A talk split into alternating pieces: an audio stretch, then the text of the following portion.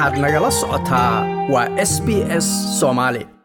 tirakoobkii labada kun iyo labaatan iyo kowga natiijadiisii oo la sii daayey ayaa waxa ayna tusaysaa nooc isbeddel weyna oo ku saabsan dhanka tirada dadka astreeliyaanka ah laga bilaabo meelaha dadku ay ka yimaadeen iyo diimaha ay kala haystaan astreeliya waxaa aad u sii ballaadhanaya kala duwanaanshaha asal ahaan ee shacabkeeda iyadoo tirada dadweynuhu ay laba jibaarmeen konton sano gudahood iyadoo tirada guud ee astreeliya ee dhanka sensaskan lagu sheegay waxa ay tahay labaatan iyo shan dhibic shan milyan oo ka dhigan labaatan iyo shan milyan iyo badh. Nambarka la sheegay haddii nambar ahaan loo akhriyo wuxuu noqonayaa labaatan iyo shan milyan afar boqol labaatan iyo laba kun toddoba boqol iyo siddeetan iyo siddeed qof ayaa la sheegay.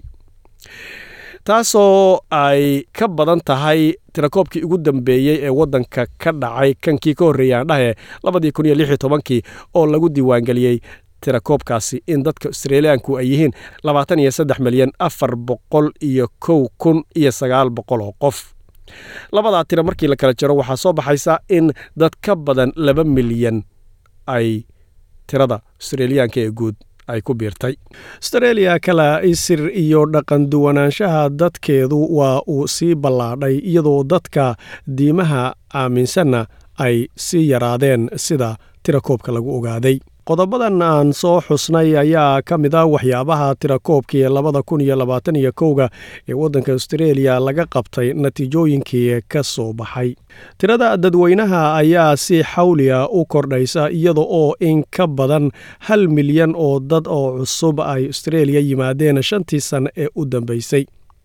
iyadoo aqlabiyadda dadkaasina ay yimaadeen ka hor inta aan la xidhin xuduudka astreeliya sannadii labada kun iyo labaatanka sababtuna ay ahayd cudurkii aafada ahaa ee covid nnteenka tirakoobka labadii kun iyo labaatan iyo kowga ayaa sawir xiiso leh ka bixinaya astreeliyada cusub theres dikson oo ka socota xafiiska tirakoobka astreeliya ayaa sheegtay inuu muujinayo tirakoobkani sida dadka waddanka degaanka u imaanaya nidaamkoodu isu bedelayo. And second generation Australians, those with one or, one or both parents born overseas, which includes me, tirada iyada oo ah jiilalka koowaad ee australiyaanka ah kuwa ku dhashay dibadda iyo jiilka labaad ee australiyaanka ah kuwa leh hal ama labada waalid ee ku dhashay dibadda oo aan ku jiro sare ayay u kacday tiradoodu. Oo hadda waa in ka badan kala badh dadweynaha astreeliya ayay tidhi tresa dikson oo ka tirsan xafiiska tirakoobka astreeliya korarka ugu badan ee dhanka dalka lagu dhashay ee ka baxsan astreeliya wuxuu noqday waddanka indiya oo hadda ah waddanka saddexaad ee ugu weyn guud ahaan kadib astreeliya iyo england waxaana ku xiga shiinaha iyo sidoo kale new zealand. Luqada mandariinka ayaa weli sii ah luqadda ugu badan ee guriga looga hadlo marka laga reebo ingiriiska laakiin luqadda bunjaabiga waxa ay noqotay mid korarhka ugu badan ee ku hadal luqo hanata ilaa labadii kun iyo lix iyo tobanka waana marka mar walbaba ingiriiska laga reebo dhanka soomaalida haddaynu eegno tirakoobkan labada kun iyo labaatan iyo kowga natiijooyinka uu muujinayo dadka soomaalida ee ku dhaqa waddanka australia iyo gobollada sida ay ugu kala nool yihiin. Tirada guud ee dadka soomaalida ee tirakoobkani uu diiwaan geliyey waxa ay yihiin shan iyo toban kun boqol soddon iyo toddoba qof in ay ku nool yihiin gudaha waddanka australia. Aan ku celiyo tirada guud ee dadka soomaalida ee tirakoobka labada kun iyo labaatan iyo kowgu uu diiwaangeliyey una diiwaangeliyey inay ku nool yihiin waddanka australia waa shan iyo toban kun boqol soddon iyo toddoba qof. Haddaynu bilicsanno sida gobollada ay ugu kala nool yihiin sida lagu xusay tirakoobkani nambarka koowaad waxaa galaysaa waxaa galaya gobolka victoria oo lagu xusay inay ku nool yihiin siddeed kun iyo hal boqol oo qof nambarka labaad waxaa soo galaya queensland. Gobolkaasi ayaa soo galaya oo la xusay ama lagu sheegay inay ku nool yihiin laba kun iyo toddoba boqol iyo hal qof. Halka nambarka saddexaadna uu noqonayo western australia oo ah inay ku nool yihiin laba kun iyo shan boqol oo qof.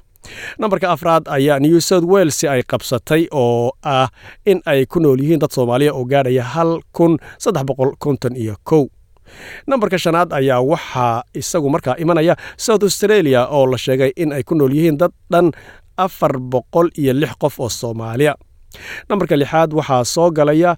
australian capital territory oo markaasi cambera ah waxaa halkaasna lagu xusay inay ku nool yihiin konton iyo laba qof nambarka toddobaadna waa northern territory ayaa la sheegay inay ku nool yihiin dad soomaaliya oo gaadhaya toddobiyo toban qof. Ugu dambayntana waa tasmania oo iyadana la sheegay inay ku nool yihiin dad soomaaliya oo gaadhaya ama ah toban qof. Marka marka laysku daro tiradaasi si guud ahaaneed mar saddexaad haddaynu sheegno waa shan iyo toban kun boqol soddon iyo toddoba qof tiradaasi ayaa waxa ay ka dhigan tahay in ay kun ku dhowaad ka badan tahay tirakoobkii oo ka horreeyey ee labadii kun iyo lix iyo tobanka la qaaday ee waddanka australia kaasoo la sheegay in ay soomaalidu gaadhay wakhtigaasi afar iyo toban kun boqol afartan iyo toddoba qof. Haddii la kala jarana si nambar ahaana waa sagaal boqol iyo sagaashan qof.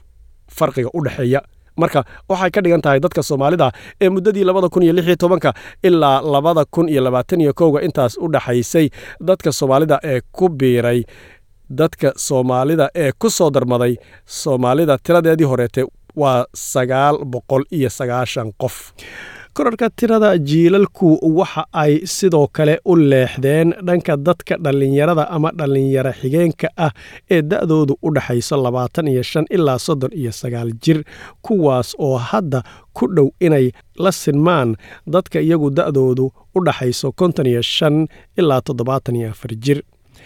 labadaas kooxood mid kastaba waxa ay leedahay baaxaad ahaan in ka badan shan dhibic afar milyan oo qof.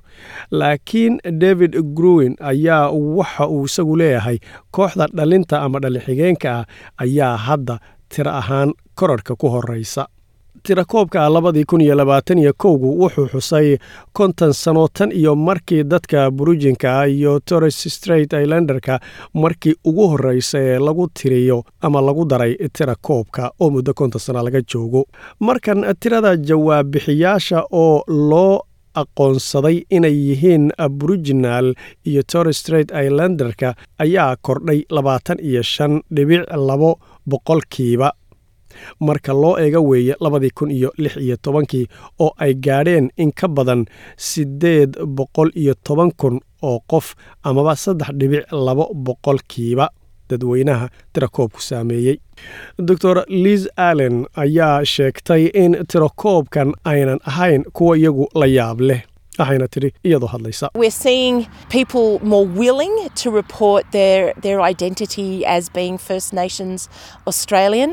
And alongside that, we do see among First Nations Australians uh, a, a, typically a higher birth rate. waxaan aragnaa dad badani in ay si aada u doonayaan inay sheegaan isir ahaantooda ay yihiin dadka australiyaanka ugu horreeya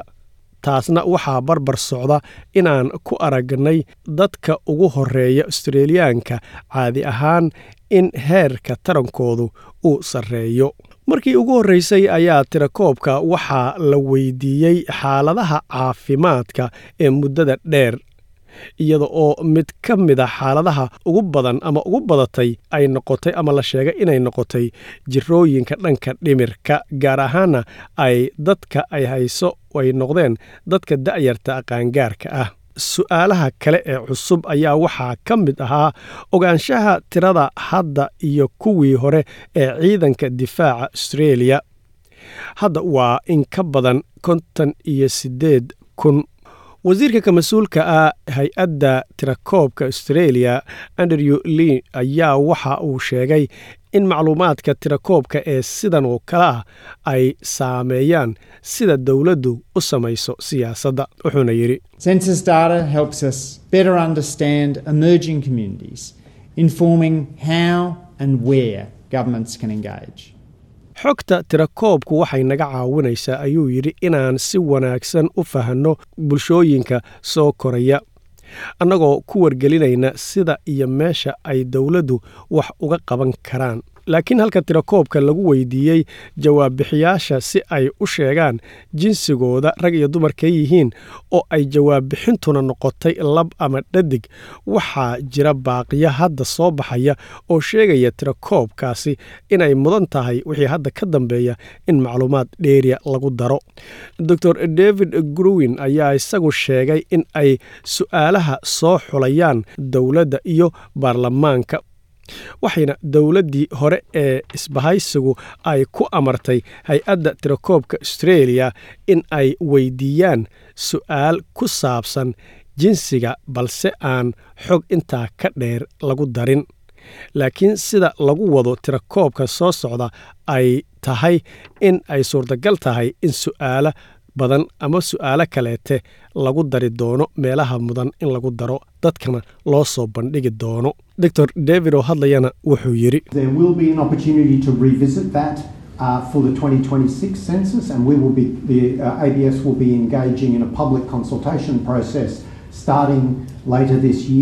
to uh, ask the community if, if there are other questions that, that people think that we should be asking. Waxaa jiri doona buu yidhi fursad dib loogu eego in tirakoobka labada kun iyo lix iyo labaatanka iyadoo hay'adda tirakoobka australia ee a b s ay qaadi doonto la tashiyo dadweyne oo bilaabanaya dabayaaqada sannadkan si ay bulshada u weydiiso haddii ay jiraan su'aalo kale oo ay dadku u malaynayaan in aan weydiinno ayuu yidhi tirakoobkan aadka muhiimka u ah ayaa ahaa siina ahaan doona inuu ahaado mid muhiim u ah muujinta sida dowladda austreeliya ay u horumarinayso mustaqbalka shacabka austreeliya like aas la wadaag wax ka dheh lana soco barta facebooka ee sb s soomaali